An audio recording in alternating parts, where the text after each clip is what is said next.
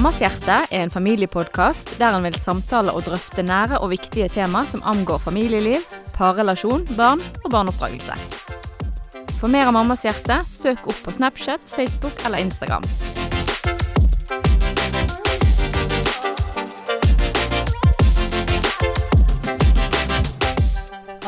Right. Nei, men da var vi faktisk i gang igjen, Ingrid Da er vi i gang igjen. Det er på'n igjen. Nå er det på'n igjen. Ja.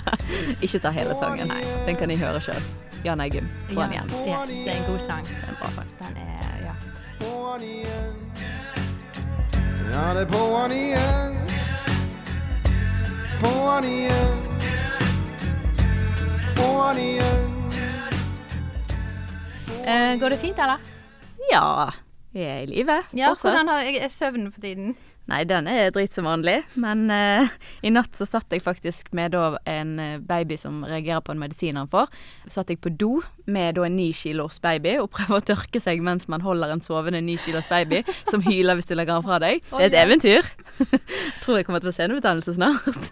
Jeg skulle ikke, eller på en måte, hatt et bilde ut av det, men uh, ja. Ja, Veldig det- interessante utfordringer man står i, da. Ja, så da kan man jo glede seg til Men de blir litt større. Men er du ved godt mot? Vet du hva, det Ja. Opp og ned. Vi har faktisk skaffet oss nanny i helgen. Ja vel. Eh, Svigermor Ja. kommer og skal bo hos oss i helgen. Og vaske klær og lage mat. Deilig. det blir deilig. Takk, svigermor, Takk, svigermor. for at du er god. Det er så godt å ha familie og svigermødre og mødre rundt seg når man står i den tøffe fasen Ja, som småbarnstiden er. Så Ja. tror jeg de liker å Jeg tror de liker litt at vi trenger de, Ja. foreldrene våre. Absolutt. Endelig trenger vi de igjen. Ja, det Når vi får vann, barn. Det er faktisk det. du da? Jo da, det går jo fint flott. Jeg er jo ikke i småbarnsalderen lenger, det må jo jeg nødt til å innrømme. Uh, det er litt sånn trist. Samtidig så er det en veldig god tid å endelig kunne få sove om natten. Så jeg tør jo ikke å si til de andre mødrene i mammas hjerte hvor mye jeg sover for tiden. Men jeg Det tenker vi litt, unner eh, deg det. Det må vi unne Jeg har hatt mine våkenetter. Yeah.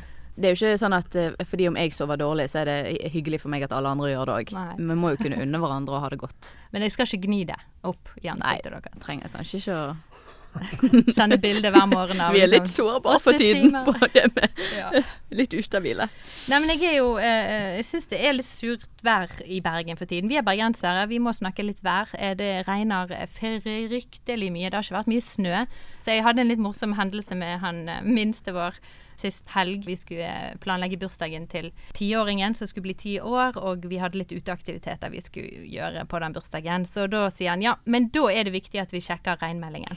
Ja, det, det er bergenseren sin, det. Stakkars. Yes. Uff, ja, Dere må ta han med til Kristiansand en gang, bare sånn for Ja, vi, vi var der faktisk, og det var nydelig vær eh, Ja. sist sommer.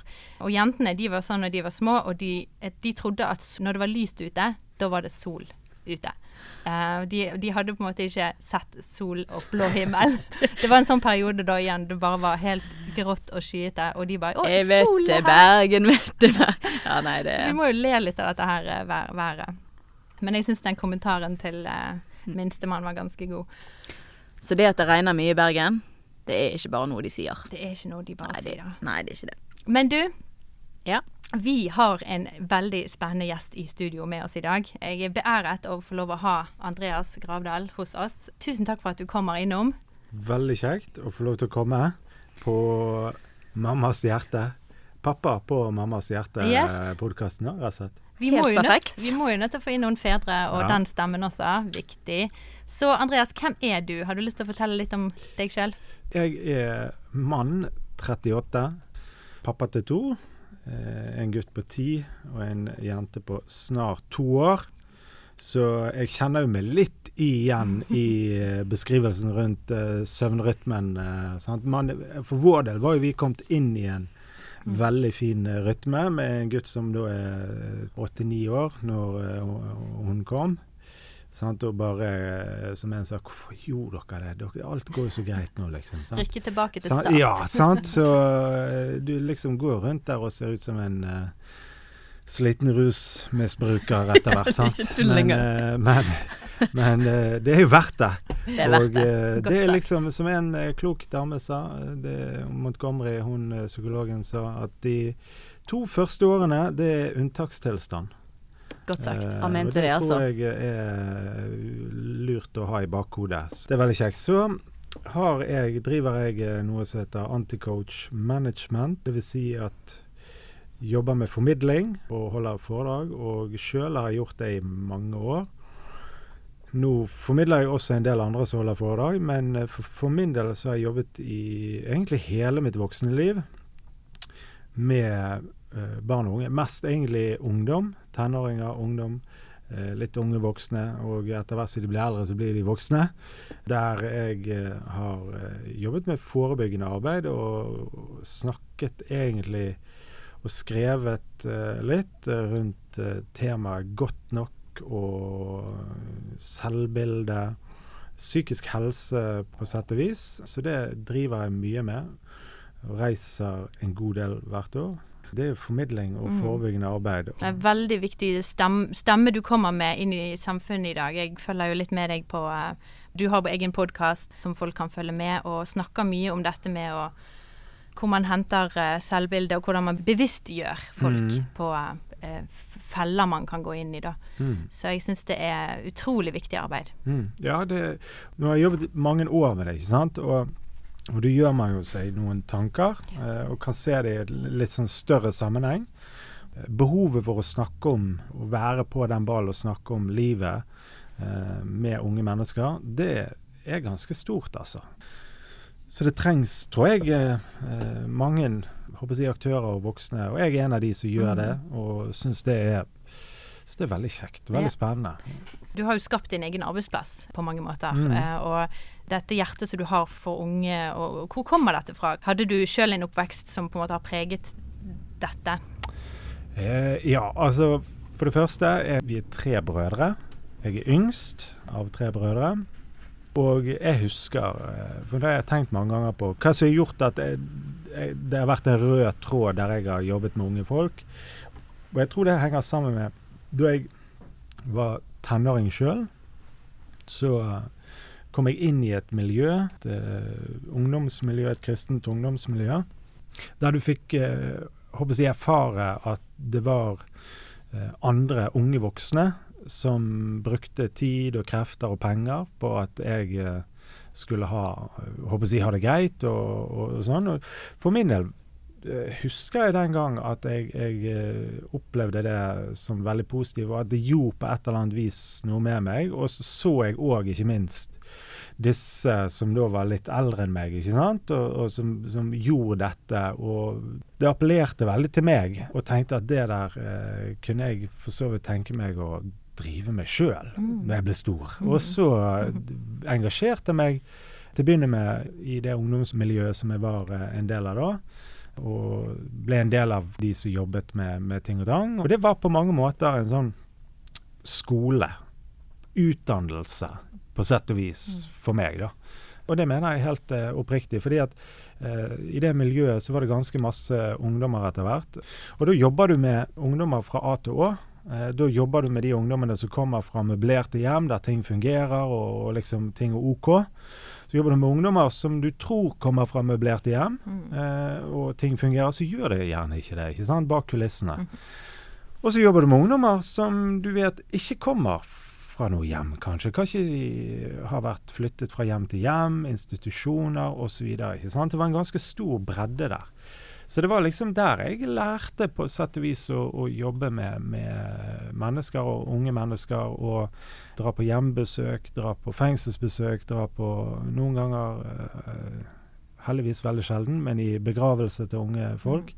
Uh, og du fikk komme litt tett på en del ting som ikke du kan Du kan ikke lese deg til det i en bok, eller ta en eller annen Nei. teoretisk utdannelse på det, for å på en måte erfare det. Sant? Det må liksom jobbes uh, og være tett på å erfare uh, liksom hands on. Når du står midt i det, så tenker ikke du sånn, men når du ser tilbake, så ser jeg at den ballasten eller den erfaringen, den er uh, ekstremt viktig. Så derfor sier jo jeg ofte, liksom når jeg snakker med, med folk eh, som f.eks. de skal bli lærerutdannet, eller de skal et eller annet, ta en utdannelse for å jobbe med barn og unge, Eh, da er mitt eh, tusen tips Mm. rett og slett at eh, engasjer deg i et eller annet som har med barn og unge å gjøre. Være seg om du er fotballtrener eller blir med på klubben, eller om du er konfirmantleder, eller hva du Fordi at du kommer tett på, og du får på en måte brynt deg på unge relasjoner og se hva det går i ved siden av studiet ditt. ikke sant?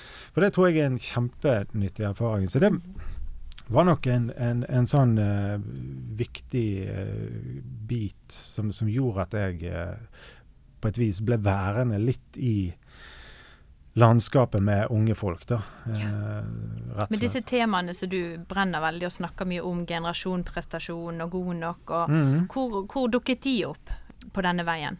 Jeg sa akkurat eh, i Når jeg var i Bodø nå sist, så sier jeg til de som hører at eh, Som jeg sier, nå står jeg her med mikrofon, men vit at det jeg snakker om eh, Ikke fordi at jeg er så klok eller sånn eller sånn, det har jeg lært et sted.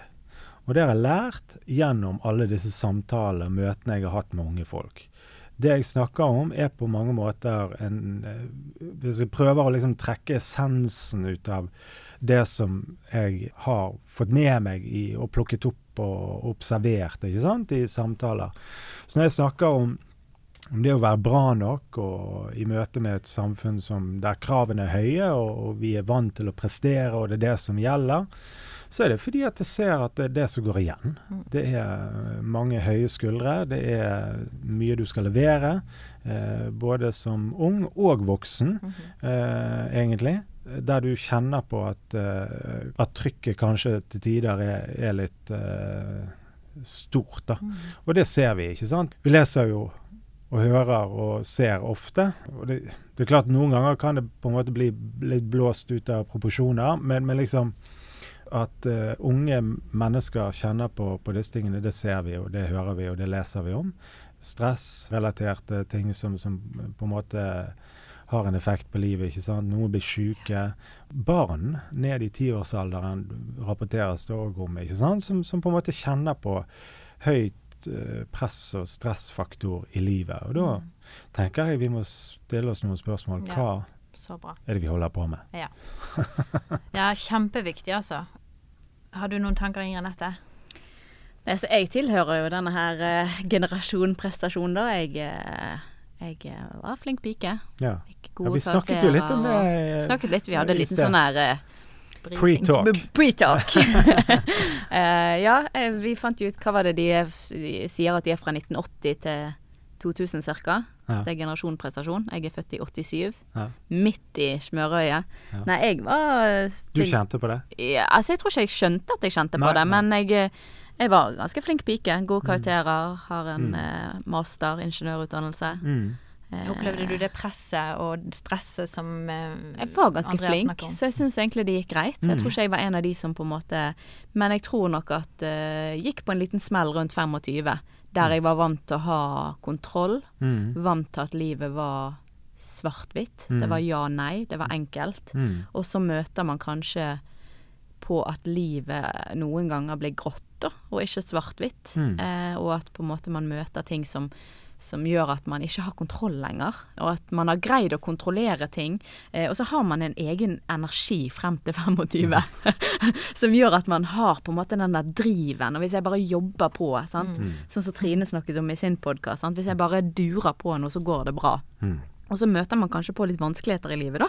Mm. Eh, og, og så får man det ikke til lenger. Heldigvis. Heldigvis, ja. Takk og lov, eh, faktisk. Og Ja, men Det er egentlig veldig bra. Og jeg, jeg mener jo det når jeg sier heldigvis Altså, det er ikke alle utfordringer, jeg skjønner jo det. Men det gjør noe med oss som mennesker, tenker jeg, å treffe motstand.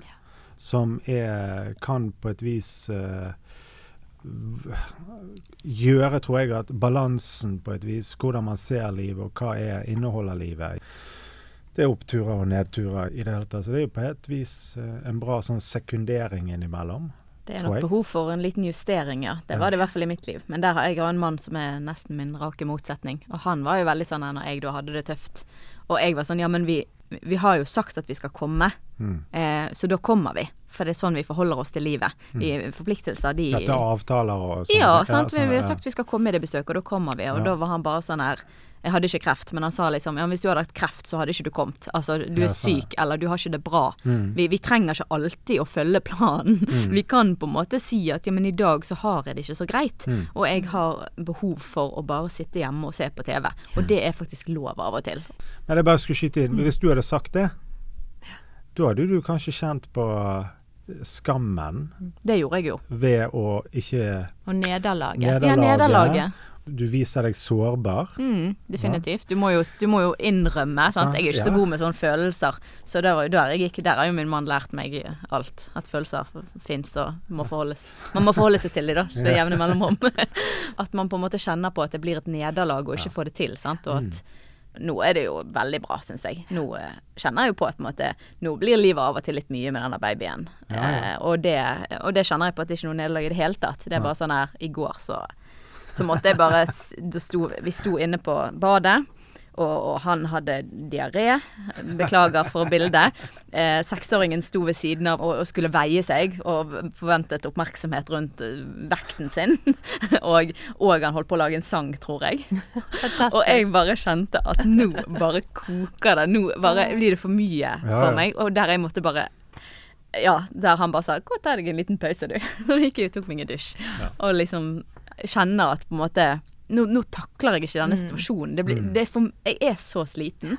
Og, og da kjenner jeg på at nå, når jeg har gått noen runder på det, da, det er overhodet ikke noe nederlag. Ja, det er bare sånn så. Ja, men jeg er jo et menneske. Jeg har jo ikke sovet på tre måneder. Mm. Og alle maser. Kan jeg bare få litt fred i fem minutter? Jeg har vært alene med den babyen nå dritlenge. Mm.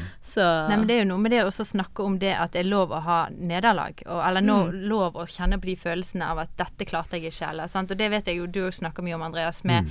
med at vi er ikke skapt til å klare alt. Det er ikke alle som skal kunne klare alt i livet. Denne kulturen vi har av å ause hverandre opp og 'you can do it all', og bare Mm. du setter deg fore, så kan du klare det. Men det er faktisk ikke alle som, som på en måte skal ha de målene og ha de grenseløse Ja, ja, ja. Altså For det første så tenker jeg at du, det er jo reinspikket løgn at uh, alle kan bli alt, Ja. og alle kan klare man alt. mente det. Ja, men det er jo som, så, ja, men det er jo som man skulle sagt Ja, men jeg kunne jo tenke meg å bli profesjonell fotballspiller. Ja. Men eh, Kunne ikke de- du de blitt det som hvis har du hadde øvd nok De som har sett meg uh, i levende live på en fotballbane, skjønner jo at det mattestykket der går jo ikke opp. ikke sant? Altså Det er jo noen ting altså Vi må forholde oss til uh, De tenker fysiske faktaene. Riktig, jeg ble leid over en dørkarm da jeg var to, så jeg kunne heller ikke Ja, men det er jo Jeg spilte wing i håndball. Det er enten så er du dritgod, eller så er du veldig dårlig Ja, ja, ja. når du spiller wing. Og det, er- jeg tenker det er helt naturlig, men jeg tenker det er viktigere å finne Det er jo det som er clouet. sånn, Finne ut litt av hvem er jeg? Hva har jeg? Det er jo kanskje liksom det viktigste, ikke sant? For det, det, er mye vi kan, og mye som kunne vært kjekt, og det ene og det andre, ikke sant? Men eh, jeg tror at i en tid som vi lever i, der vi, vi kjenner på et hav av valgmuligheter, så ender vi opp med at det blir ikke valgmuligheter, men nærmest valgumuligheter på et vis. ikke sant? For det er hva skal jeg velge? Hvordan skal jeg gjøre det, og hva, hva må jeg eh, få til? ikke sant? Og jeg tenker at det, det er ganske viktig å på et vis Kanskje litt sånn snakke Ta ting ned litt noen Mhm. ganger, da, rett og slett. Ja, min seksåring han sa faktisk i går med Ja. middagsbordet, Ja. så sa han det at hvis ingen bygger hus, så hadde ikke vi hatt noen hus. Ja. Og det er så godt oppsummert. For det, alle kan ikke bli leger. Og, og vi var på sykehuset med han, for han, han skadet hoften. Ja. Eh, så sa, snakket vi om Var liksom litt bekymret rundt legene og sånn. Ja. Og da sa jeg det, vet du hva, det er bare de flinkeste, de som er flinkest på skolen, som blir leger. Ja. Ja, og om jeg, om jeg kunne bli lege? Nei, sa jeg. Jeg hadde ikke gode nok karakterer til å bli lege. Eh, men så sa jeg jeg hadde ikke lyst til å bli lege heller, men, og, og så sa jeg og de som blir leger for barn, så er de som har jobbet mest på skolen. Og det er liksom litt den at på en måte all, Men alle kan ikke det. Alle kan ikke bli lege. Jeg kunne ikke blitt lege. Ikke jeg. Eh, og, og, og alle skal ikke bli det heller. Kan ikke vi bare velge noe som vi trives med? Må alle gå allmenn? Nei. Noen kan gå bygg og Mm. synes at det å jobbe med hendene er fantastisk. Jeg Mm. er jo veldig lat, så jeg hadde jo syntes det var et mareritt Mm. å stå ute og bygge noe. Noen er teoretisk, noen er praktisk, Mm. og vi må faktisk finne det som vi liker. For vi er jo, vi er jo skapt forskjellig fordi at samfunnet skal gå rundt. Mm. Og, og da må vi ikke prøve å være noe som vi ikke er, for det, da blir det livet tøft og slitsomt, altså. Mm. Og så tenker jeg kanskje vi snakker litt rundt det med å ikke finne verdien vår og, og selvbildet vårt. La det bli preget ut av hva vi gjør og hva vi får til. Og nå tenker jeg inn litt mot for- foreldrerollen også. Mm. For jeg sjøl kan kjenne meg igjen i at der feiler jeg, og jeg, jeg kommer så ofte til kort, og jeg mestrer ikke den. Jeg føler ikke jeg mestrer det i det hele tatt. Og hvis jeg hadde bygd mitt selvbilde på det, så Mm. hadde jeg eh, nok eh, ikke klart å stå så oppreist som menneske eh, som jeg gjør. Men der har jeg måttet gå i en vandring og forstå at det handler ikke om hva jeg gjør, eller hva mine barn gjør, eller hvem jeg er gift med, eller det er ikke disse tingene som definerer meg eller gir meg verdi, Mm. men at min verdi er at jeg er meg, og jeg er skapt av en gud, Mm. med en hensikt som er til for meg. Og så må jeg finne ut hva det er, da, Mm. og så gjøre det. Eh, Og hva tenker du litt rundt det her med egenverdi, eh, Andreas? Spesielt ja, inn mot hvordan vi som foreldre kan styrke den Mm. eh, hos barna våre. For min del, sant, som forelder, og du står der, sant, eh, så merker jo du Du kjenner jo på de, de samme tingene, ikke sant. Altså med ungene dine. Du har lyst til at de skal få ting til. Du har lyst til at de skal eh, ha det bra, at de skal være glad, at de skal ha venner, at de skal være populære, eh, at de skal være sosiale. eh, Alle disse tingene som du bare på en måte i hermetegn kan liksom tenke normalt bra. Mm. Og det tenker jeg er helt naturlig. sant? Du merker at det går greit, liksom. Det, og det tenker ikke jeg er noe feil eller å tenke sånn. Eh, samtidig så, så er jo barna liksom ulike. Det at de er ulikt skrudd sammen, hva som er styrker, hva som er eh, deres Hvordan de reagerer på ting. Også noen er tøffere enn andre, noen er mer sensitive enn andre. Sant? Og jeg, jeg tror at i en tid der eh, skole, idrett, diverse ting man skal eh, levere på, Mm. på et vis. Altså fordi at når de går ut døren hjemme, da skal de ut og i hermetegn vise verden hvem de er, på et vis. Så de tenker jo ikke det, men da er de på skolen. Da skal de inn i eh, en rolle der, og de skal gjøre ting og, og prestere på fotball eller håndballtrening eller ridetrening eller hva man driver med. Så skal man liksom vise og progresjon og, og mestre osv. osv. Og, og jeg tenker at det er helt greit, for, for i, når vi snakker om prestasjonssamfunnet og disse tingene, så handler ikke det om at det er enten-eller Mm. at vi, Det er klart vi må prestere. Klart at vi må levere. Sant? Altså, det, bare når vi sitter her og, og snakker sammen, det er jo klart at det er jo ikke likegyldig hvordan jeg, jeg opptrer her, liksom. Sant? Jeg må levere og, og, og stå på. Jeg tenker, og Sånn er det, ikke sant. Men så tenker jeg hjemmet. Mm. Jeg pleier å tenke sånn at hjemmet, det er liksom eh, I møte med ungene ikke sant? Vi er laget ditt, Mm. tenker jeg. Vi har ryggen din. Her hjemme kan du få lov til å være eh, sur. Her hjemme kan du få lov til å være lei deg. Her hjemme kan du få lov til å være Ta opp de, de vanskelige følelsene dine. Det er helt greit. Her hjemme kan du få lov til å, å, å på en måte senke skuldrene, da. Og gi på et vis den roen hjemme. Mm. Men det kan noen ganger være utfordrende hvis eh, vi hjemme har det så forbaska og himla travelt at eh, når vi er hjemme i lag, så går vi bare gjennom eh, to do-listen eller agendaen for eh, dagen eller uken. Og hvem kjører hvor, bam, bam, bam, bam. Ja, bam. Sant? Men, men, men at vi hjemme, tenker jeg, bygger en, jeg, den trygge plattformen. ikke sant? Der man er ute og herjer og slåss og, og, og møter motstand og gleder og sorger og alt der ute. ikke sant? Så kommer man hjem og på en måte får den tryggheten og roen. For det handler om å bygge tenker jeg, en selvfølelse. En, en god, altså Når vi snakker om det å være god nok, så handler det om selvfølelsen vår. ikke sant? Det handler om å Mm. ha det, det forankret. da, At jeg er bra nok. Prestasjoner, det er noe vi gjør, ikke sant? Og, og god nok er ikke noe du skal bli. ok? noe du. Skal, riktig. sant? Det er noe du er. Mm. Det er ikke noe du skal prestere å bli. Det er noe du er. Mens eh, å spille fotball eller eh, et eller annet fag på skolen man jobber med, eller hva det man driver med, ikke sant? det er noe du kan utvikle deg på, eller på en måte deg. øve deg og bli flinkere. Og jeg liker ordet øve, altså. Vi snakket litt om det nå i forhold til liksom fritidsaktiviteter. Da. Senke litt kravene på at eh, ja, men det går faktisk an å spille fotball selv om ikke du skårer mål. det går an Ja, å være med fordi at det er sosialt. Ja, ja. Man trenger ikke å være best for å være med. Ja, så må man øve seg for å, å bli bedre, da. Og så Ja. kan det være godt nok å ikke være best på laget òg. Det, det gjør ingenting. Kan, Eh, det kan være kjekt å spille fotball selv om, liksom. ja, det kan ja. være kjekt selv om man ikke er den som skårer mest mål. ja. Og at man liksom kan senke kravene litt på en måte på at ja, at jeg kan fortelle at vet du hva, jeg, jeg gikk på håndball og fotball og turn, og jeg, jeg, var, jeg var skikkelig dårlig på alt. Men vet du hva, jeg hadde, jeg hadde det gøy. Du hadde det gøy. Jeg hadde venner. Nettopp, jeg koste meg. Altså, ikke alltid. Jeg syns egentlig alltid trening var kjedelig. Jeg er jo fordi jeg er litt lat. Syns fortsatt alltid trening er kjedelig. Men jeg gjør det. Ja, ja, ja. Nei, men Det er et veldig godt poeng. Og jeg, er- en ting som jeg vil bare trekke frem som er en, nesten eneste grunn til at jeg klarte å gjennomføre skolen. Som jeg har nevnt tidligere, så har jeg ganske kraftig dysleksi, og jeg syns det var meget tøft på skolen. Og det var fordi at mine foreldre de sa at du gjør det som du klarer, du gjør på en måte ditt beste, og det er best, eller det er perfekt for oss. Du skal ikke måtte måle deg med skolens krav eller med, med på en måte nasjonale krav eller venninnene dine sine krav og karakterer, men du gjør det som du klarer aller best, og så er vi fornøyd med det. Og om jeg så fikk to eller stryk på en oppgave, så, så var det liksom tenkte jeg ja, ja, OK, jeg klarte nå i hvert fall å, å skrive ett ord på det der arket, og så klarte ikke jeg mer.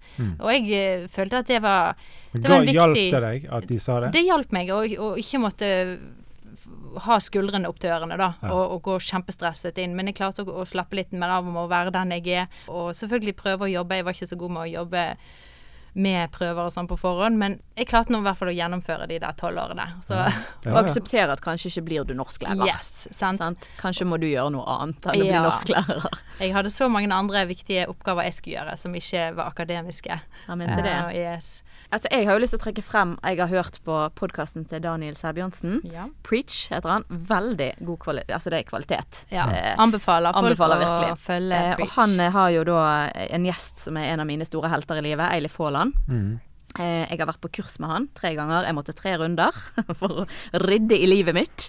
Det er noe som heter Hjertefokus, som jeg anbefaler alle å dra på. Eh, det er en ukeskurs der du rydder i livet. Hva har skjedd med meg, mm. og hva konsekvenser har det for mine handlinger nå? Eksempel, noen har såret meg, derfor så eh, utagerer jeg, eller det kan være hva som helst. Anbefaler å høre den podkasten som eh, handler om verdi, for det er jo litt det vi snakker om nå òg. For det han Eilif Haaland sitt budskap er at veldig mye av samfunnets problemer, og veldig mye av våre problemer, det handler om verdikampen. Jeg tror vi er skapt, men uansett om vi er skapt eller ikke, så ønsker vi å føle oss verdifull. Det er et veldig grunnleggende menneskelig behov. Å føle seg verdifull. Og det som er greien da, det er at han snakker om tre ulike typer verdier. Det er prestasjonsverdi, som ikke er dumt i seg sjøl. Det er fint å kunne prestere. Det er fint å kunne lage en, en kjekk podkast som folk får noe ut av, og prestere bra på det. Det er ikke noe gale i det.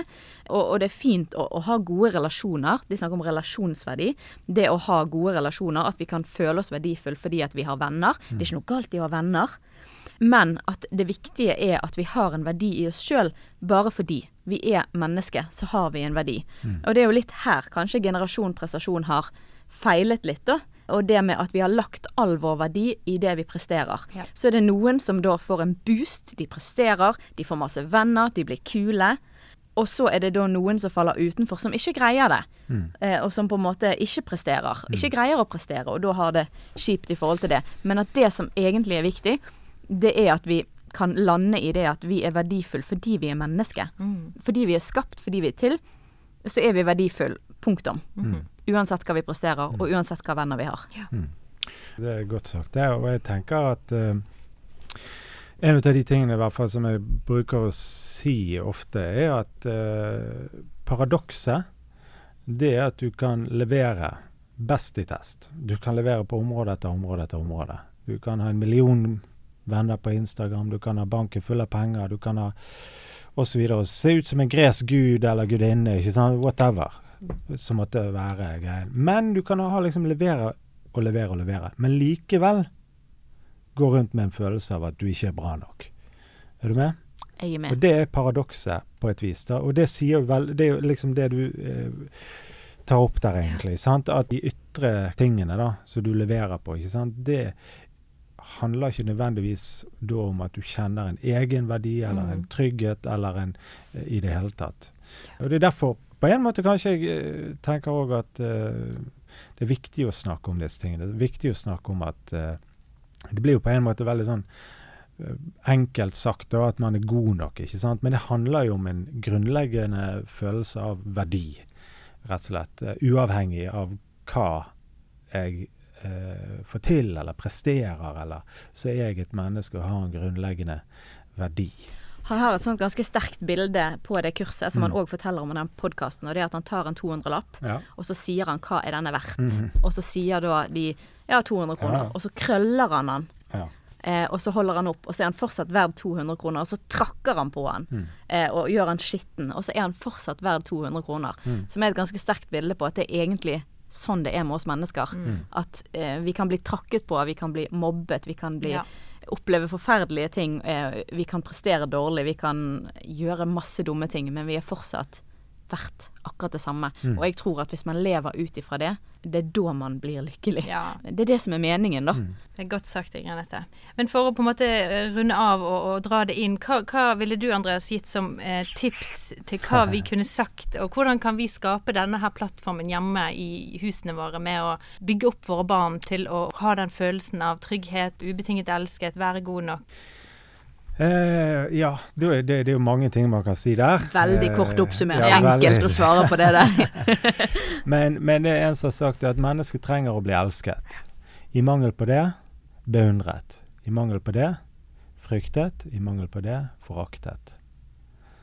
Så hva er poenget? Poenget er at bunnplanken, det er kjærlighet. Ubetinget kjærlighet, som dere eh, snakket om eh, i sted. ikke sant? Eh, som jeg tenker er en, en, en viktig Det er liksom Relasjon er jo på, på, håper jeg, på sett og vis alt. Eh, en relasjon i ulike faser av, av barna sine liv. Sant? Når de er små barn og de er veldig liksom needy og de er ett og to og tre år ikke sant? trenger masse oppmerksomhet, og så vokser de til. Men i tenåringsfasen òg relasjon. Men kanskje den fortoner seg litt annerledes. Kanskje har ikke de lyst til å sitte hjemme og se på, på 'Mesternes mester' og spise taco med meg eh, når, når de er liksom 14 år. Da har de lyst til å løpe ut og være med venner og se på jenter eller whatever. ikke sant? Men, men liksom, da må vi finne andre steder der vi liksom, den relasjonen ivaretas. Da. For det er selve limet, da, tenker jeg, når vi snakker om disse tingene med, med å liksom bevare en trygghet og i, i det hele tatt. Men jeg vil si en ting til, da, som jeg eh, hørte her forleden, som er et veldig godt råd. Ta det med ro. Det ordner seg aldri. er du med? Å, jeg vil ha alt, jeg. Eh, og Ja. det er positivt. Fordi at det, barn og unge, det er ikke noe vi skal fikse. Det er ikke et slags batteri som skal lades fullt opp til 100% Altså, det, det er ikke vanntett. Liksom. Det er eh, i ombygging hele veien. Det er opp- og nedturer. Men det handler om på en måte igjen tilbake til denne det grunnleggende bunnplanken med at liksom eh, relasjon, kjærlighet, se hverandre, ha tid til hverandre, spise sammen, og, og, på en måte ikke bare planlegge sammen, men liksom være i lag, da. Mm. Uh, og det sier, sier like mye til meg sjøl, for jeg lever i 2020 jeg òg, og kjenner på trykket. Ja, En ting som jeg pleier å gjøre helt konkret um, ukentlig, det er det at uansett hvor kaotisk ting er, og kanskje kjefter jeg, kanskje har jeg sagt til seksåringen min at når du gjør sånn, så syns jeg at det er irriterende, men da stopper jeg veldig ofte opp. Så tar jeg han i hendene, så ser jeg han inn i øynene, så sier jeg du vet at jeg er glad i deg, sant? Nå er du kjempeirriterende, men jeg er akkurat like glad i deg uansett. Og si det i kjefteprosessen. Eller at nå er jeg bare så trøtt. Du vet at jeg er glad i deg, sant? Jeg er bare så irritert nå. Jeg er bare så sliten. Men jeg er glad i deg. Du vet det, sant? Ja, jeg vet det. Mm. Å si det, har den som et sånn mantra, da. Eh, hele tiden. Ja. Midt oppi alt kaoset. Ja, så bra. At, eh, ja. Mm. Og da får jeg alltid et lite smil tilbake igjen. Og det at barn får oppleve at eh, mor og far kan gå tilbake igjen og si unnskyld, Ja, viktig. eh? Det, det er jo ting som reparerer i relasjonen. Ja. Så Nei, det er veldig kloke ord, altså. Mange gode tips fra Andreas, og en god vinkling på, på dagens samfunn her. Eh, vi kommer faktisk til å gjøre det sånn at eh, vi drøfter eh, temaet vi har i podkasten i Snapchat eh, uken etter vi har da lansert eh, podkastepisoden. Så dette temaet kan dere faktisk eh, få lov å komme med tilbakemeldinger på på Snapchat-kanalen vår Mammas hjerte. Og, og det har vært kjekt å høre hva dere tenker og deres erfaringer på dette temaet i neste uke. Ja, og hvis noen har noe som de eh, kjenner at de har lyst til å prate om, eller de trenger å prate om, så er vi da tilgjengelig Ja, på Snapchat. Bare å Vi prøver så godt vi kan å legge opp dagene sånn at vi har tid til å være til stede den dagen som vi er på Snapchat, sånn at man kan prate i chatten hvis Ja. det er behov for det. Men Andreas, tusen, tusen takk for at du tok tid til å komme hit. Det var veldig, veldig kjekt. Tusen Um, takk for at jeg fikk komme. Veldig koselig. Veldig hyggelig. Thank you. Så må dere alle følge Anticoach podkast og arbeidet hans videre. Det er utrolig bra og viktig og spennende, så vi heier på deg. Thank you. Takk for det, altså. OK, da ses vi, lyttes vi, høres vi Vi høres. i neste episode. Vi høres. Ha det!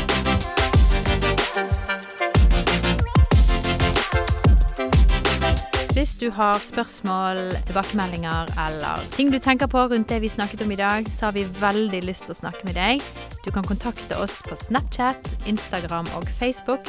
Der svarer vi alle meldinger. Så skriv oss en melding. Vi har veldig lyst til å chatte litt med deg.